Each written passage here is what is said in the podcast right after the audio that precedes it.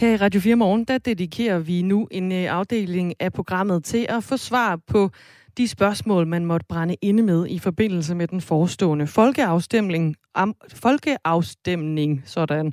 Øh, det handler jo om, hvorvidt forsvarsforbeholdet i EU skal afskaffes eller ej. Og til at øh, få besvaret nogle af de spørgsmål, som øh, du selvfølgelig kan byde ind med på sms'en 1424, der har vi inviteret Christine Nissen. Godmorgen. Godmorgen. Godmorgen. Du er forsker i øh, udenrigspolitik og diplomati ved Dansk Institut for Internationale Studier.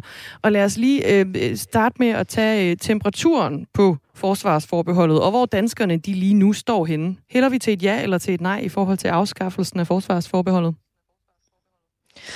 Ja, altså de seneste meningsmålinger viser, at der er et lille flertal, som der hælder til et ja, øh, og så er der stadig øh, rigtig mange, som er i tvivl om, hvor de skal stemme. Øh, andelen af tvivlere er blevet, øh, blevet mindre siden øh, valgkampen gik i gang, men der er stadig øh, hver, omkring hver flere vælgere, som ikke helt ved, hvor de skal sætte deres kryds den 1. juni. Og nu er det altså sådan, at lytterne de jo kan byde ind, og så er Christine Nissen klar til at hjælpe med at svare på øh, dit spørgsmål. Du sender spørgsmål ind til 1424. Og Anne Vibeke, hun har øh, stillet spørgsmål. Det er sådan set øh, to spørgsmål i en sms, og lad os tage øh, den første del af hendes spørgsmål. Hun spørger nemlig, hvad er helt præcis forskellen mellem NATO-samarbejdet og EU-forsvarssamarbejdet? Hmm. Det er et godt spørgsmål, som der optager rigtig mange danskere, fordi hvorfor er det, at man skal melde sig ind i endnu en sikkerheds- øh, og forsvarsklub, når vi allerede har NATO-medlemskab? Men det, som er forskellen, det er, at de to organisationer beskæftiger sig begge to med sikkerhed og forsvar, men på en meget forskellig måde. Så der er ikke noget, som NATO laver, øh, som EU også laver, eller omvendt. NATO øh, står for vores sådan territoriale sikkerhed, som betyder, at hvis Rusland Rusland for eksempel skulle angribe et øh, europæisk land, så ville NATO-medlemskabet blive aktiveret. Så sætter man NATO-tropper ind, øh, som, som ville skulle være engageret øh, i en eller anden form for beskyttelse af Europa. EU... Øh, opstiller ikke, kan man sige, soldater inden for Europas grænser, og ikke en militær alliance som sådan. EU laver sikkerhedspolitik, som som går ud over øh, den sådan rene militære trussel. Så for eksempel laver EU en masse samarbejde på cybersikkerhed og migration og klimasikkerhed øh, og energi, som, som i de senere år også er kommet til at betyde en hel del for vores sikkerhed. Så har EU også øh, operationer rundt omkring ude i, i verden og i stigende grad også sådan i Europas nærområde.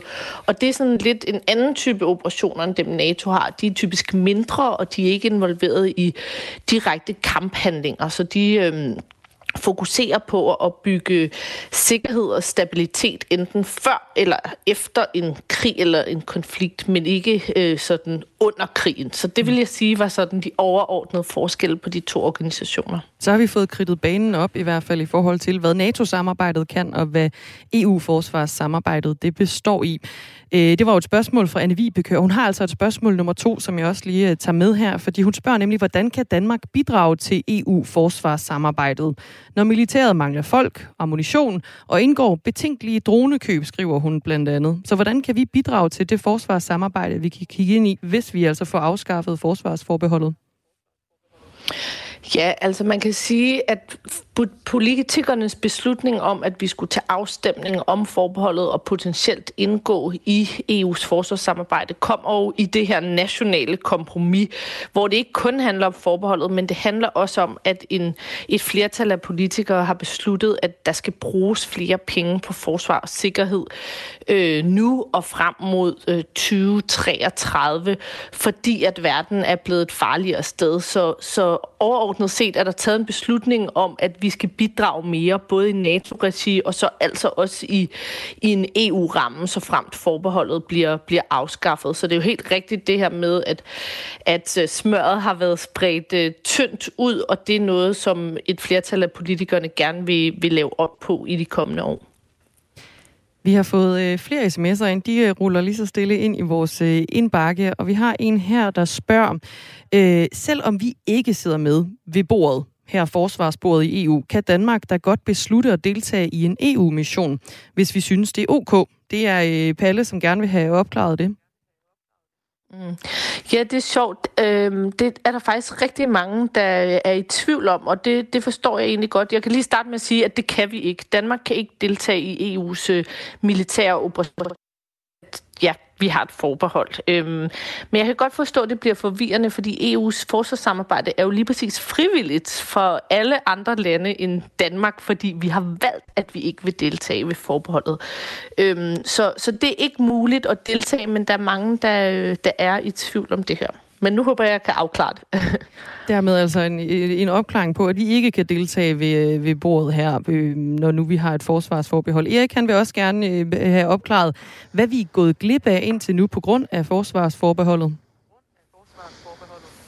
Ja, altså EU's øh, forsvars- og sikkerhedspolitik har eksisteret i en små 20 års tid, øh, og er sådan øh, øget i betydning, kan man sige. Da EU startede med at få en forsvarspolitik godt den 10 år efter Danmark faktisk fik sit forbehold, så det vil også sige, at starten var konsekvenserne af det danske forbehold lige nul, fordi der eksisterede ikke noget forsvarssamarbejde i EU. Så begyndte EU så så småt at arbejde sammen om det her, øh, blandt andet ved at udsende militære operationer rundt omkring i verden. Og der har så været en række, som Danmark ikke kunne deltage i. Det har for eksempel været øhm, stabilisering og sikkerhed i Bosnien, det har været antipirateri ud for Afrikas horn, det har været begrænsning af migrantstrømme i Middelhavet, så der er de her militære operationer, og så de senere år er der kommet ret meget turbo på EU's forsvarspolitiske samarbejde. Man har blandt andet oprettet et øh, frivilligt samarbejde om forsvarspolitikken øh, de andre EU-lande imellem, hvor man arbejder sammen på sådan noget som udvikling af militært isenkram, eller øh, cybersikkerhed, eller militær mobilitet, hvor man flytter tropper fra et sted i Europa til et andet. Så, øh, så her de seneste øh, fem års tid, vil jeg sige, der har EU's forsvarssamarbejde udviklet sig rigtig meget meget. Øhm, så der er nogle forskellige ting, som øhm, Danmark i hvert fald ikke har haft muligheden til at, at indgå i. Leon, han vil gerne øh, vide, han, han skriver, at han undrer sig over, at vi har stemt nej tre gange. Groft set, siger han her. Jeg tænker, det er nogle andre øh, forbehold, vi også har i EU jo. Men her der er det altså forsvarsforbeholdet. Han spørger, hvorfor det er så vigtigt at presse det igennem, altså den her folkeafstemning. Mm. Altså man kan sige, at vores, øh, vores udenrigsminister sagde jo øh, ikke lang tid før, at det blev besluttet, at vi skulle til folkeafstemning, at forbeholdet egentlig ikke var så afgørende for, for dansk sikkerhed. Og nu har han øh, og en række andre politikere altså øh, ændret mening, og det hænger sammen med, at krigen i Ukraine øh, har mindet mange europæiske ledere om, at det er nødvendigt at arbejde langt tættere sammen om forsvarspolitikken i en øh, både i en EU-ramme, men også en bredere europæisk ramme, øh, som også skal se til lyset af, at USA heldigvis i den her situation med Putin og Rusland øh, står skulder ved skulder ved Europa, men USA har i mange år meldt ud, at Europa skal blive bedre til at tage ansvar for, for egen sikkerhed. Så jeg tror, der er mange danske politikere, der indtil for relativt nyligt ikke øh, synes, at, at forbeholdet gjorde så stor en forskel, men vi ser lige nu et skifte i Europa, hvor rigtig mange europæiske stats- og regeringsledere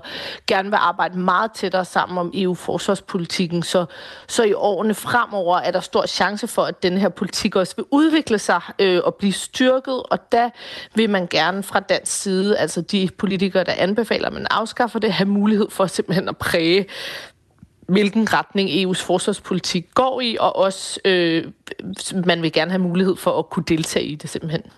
Ja, USA er jo en stor del af, af NATO, og nu nævner du også selv her USA, øh, og der har vi en lytter, er Tom Ligård, han vil gerne vide, hvad betyder det med NATO og EU-forsvarssamarbejdet, hvis nu Trump han bliver præsident igen?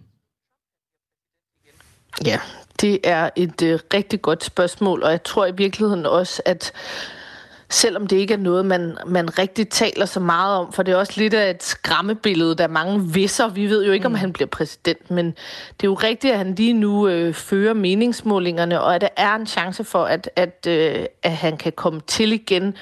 Og vi så jo sidste gang, han var præsident, at han ligesom satte spørgsmålstegn ved den her musketeriet i NATO-alliancen, at alle lande skal beskytte øh, et land, så frem det bliver angrebet. Og så har han jo også været ude at sige nogle udmeldinger om, at han faktisk synes, det Putin har gang i, øh, øh, giver rigtig fin mening.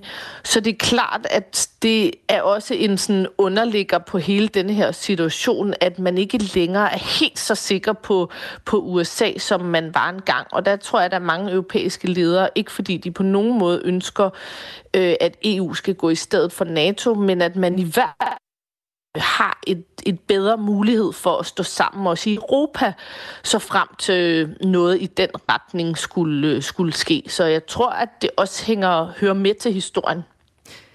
Christine Nissen, du skal have øh, mange tak, fordi du besvarede lytternes spørgsmål her i Spørg om forsvarsforbeholdet i Radio 4 morgen.